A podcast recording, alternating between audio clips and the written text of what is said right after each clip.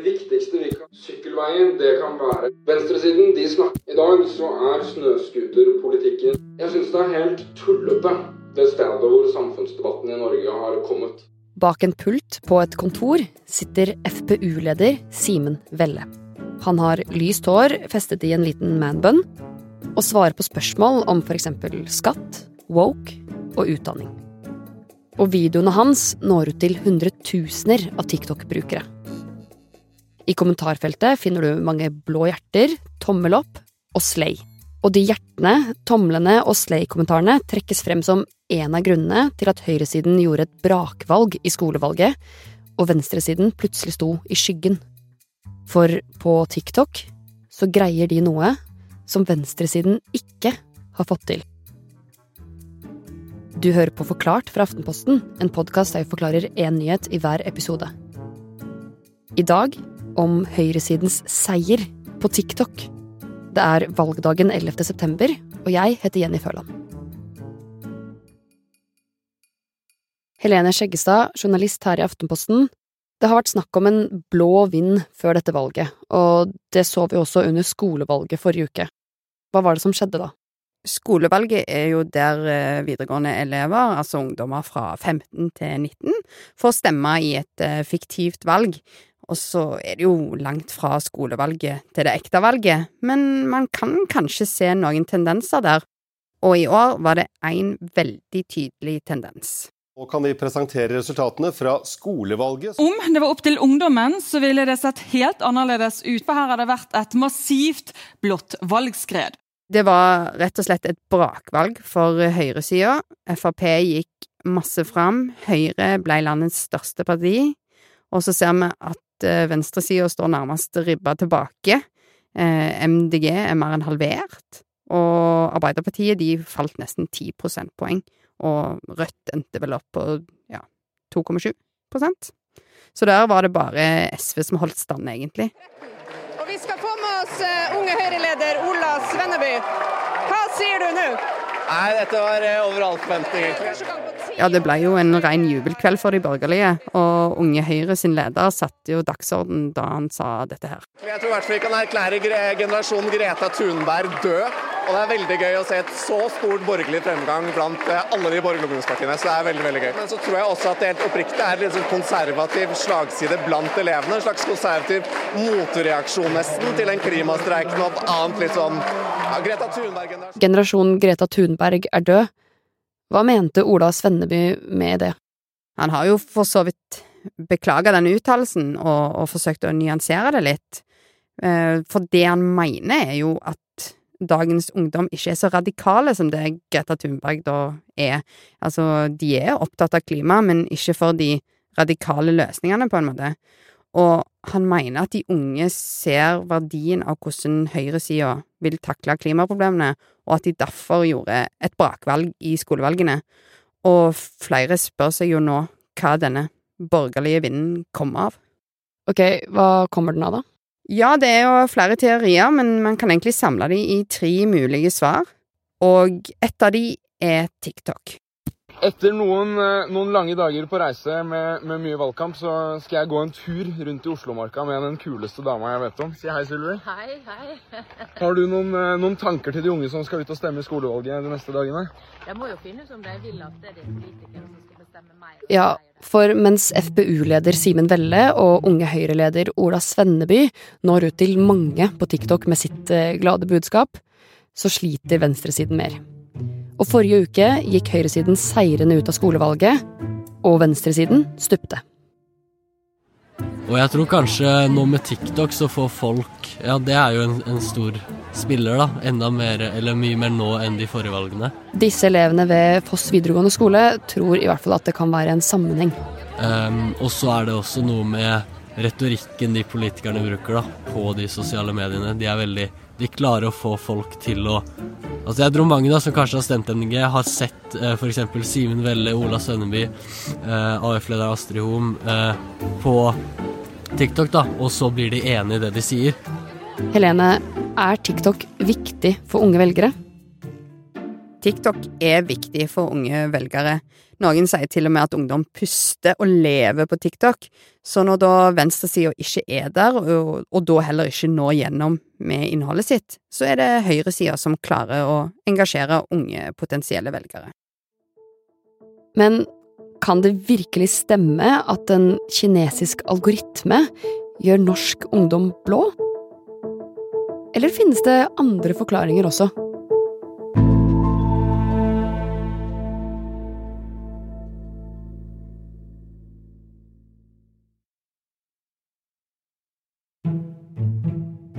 Helene, er du på TikTok? Eh, nei.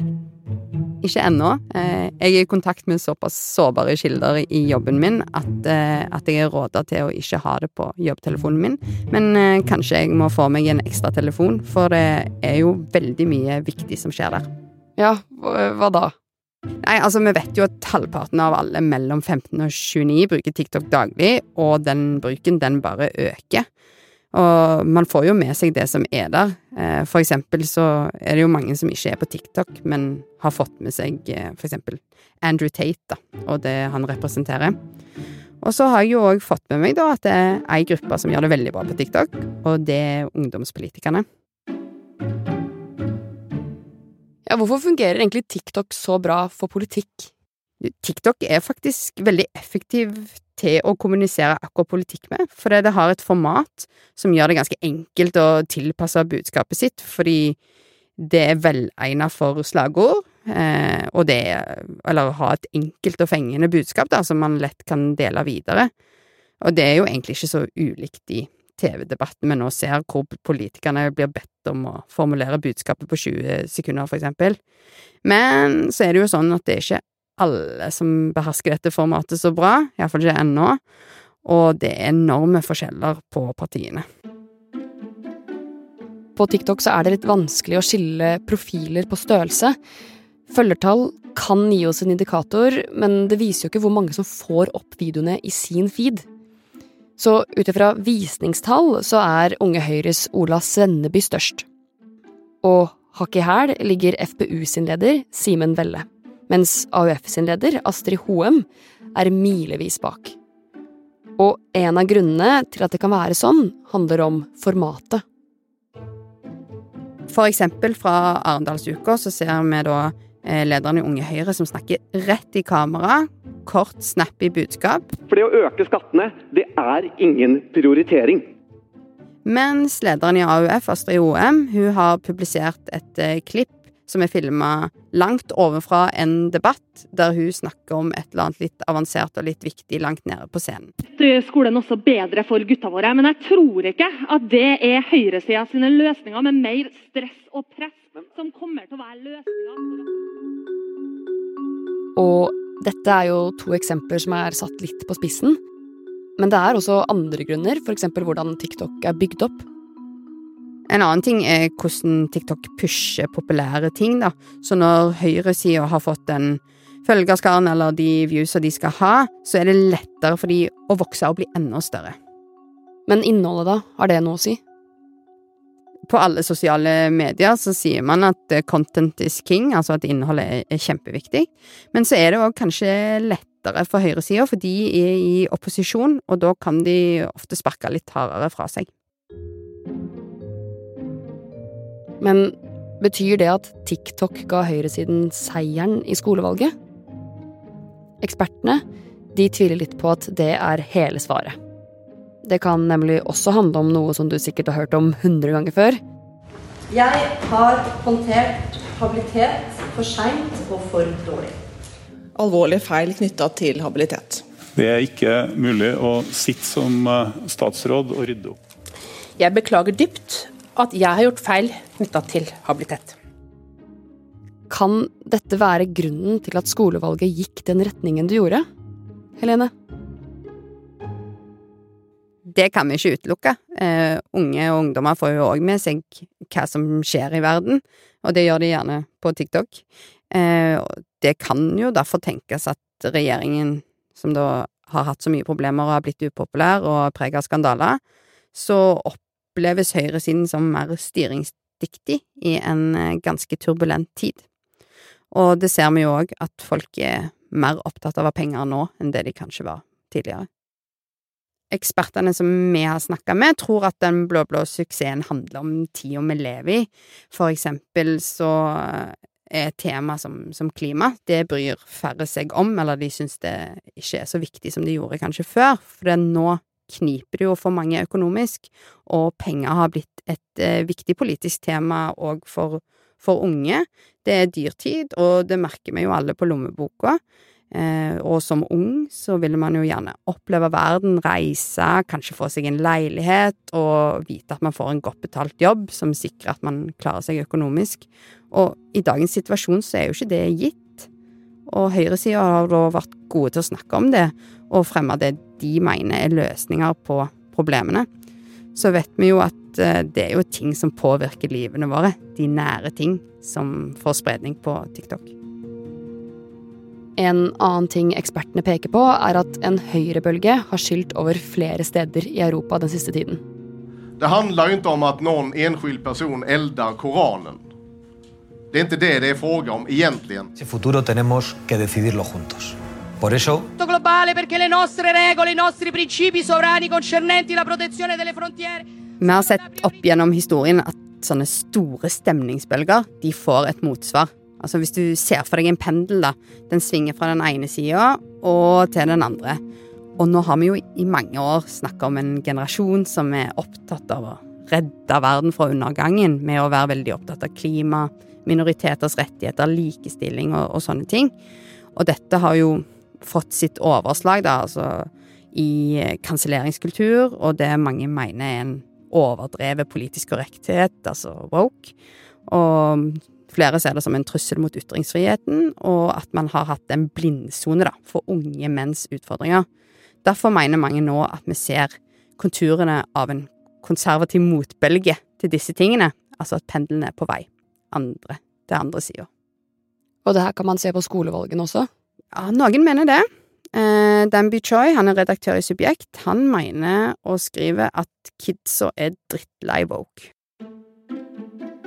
Som sagt så er det jo ikke sånn at man kan lese av skolevalgets resultat som fasit for det ordentlige valget. Noen ganger kan resultatene gi oss en indikator på hva som vil skje, mens andre ganger er resultatene helt forskjellige. I 2019 for eksempel, så fikk Senterpartiet 14,4% oppslutning i valget, men bare 1% i skolevalget. Helene, hva sier årets resultat fra skolevalget oss om hva som engasjerer unge? Det er jo sånn at man ofte finner det man leiter etter, og eksperter vi har snakka med, sier at bildet er mer nyansert. Eh, for eksempel Petter Brandtzæg, som er professor ved Universitetet i Oslo, han mener det er litt prematurt å snakke om en konservativ motbølge, og tror ikke det finnes en sånn Andrew Tate-generasjon like lite som det fantes en Greta Thunberg-generasjon, da. Men han sier òg at det er liten tvil om at disse temaene, altså ytringsfrihet, kanselleringskultur, unge menns problemer, at det er noe som opptar de unge, og at man ser det på TikTok. Kommer vi til å se denne TikTok-effekten på kveldens valg, da? Altså, majoriteten av de som skal stemme i kveld, er jo ikke på TikTok, eh, så det er jo ikke sikkert at høyresida vinner på grunn av nettopp det. Men disse andre grunnene vi har snakka om, kan jo løfte høyresida under kveldens valg, og det blir jo veldig spennende å se. Og for demokratiets del så er det jo veldig bra at unge stemmer, da.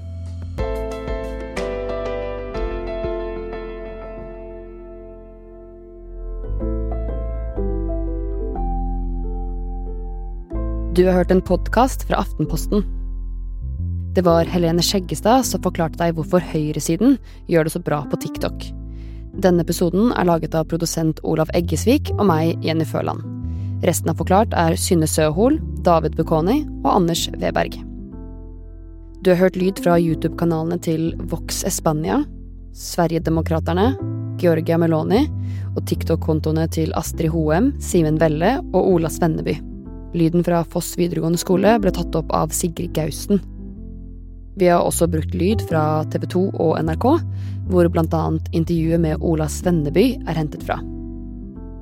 Og én ting til. I kveld så kan du følge valgresultatene på ap.no valgresultater. Du får løpende resultater og analyser fra hele landet, Og med en veldig stilig løsning så kan du sette sammen ditt eget drømmebystyre, og mye, mye mer. Tusen takk for at du hørte på Forklart. Godt valg.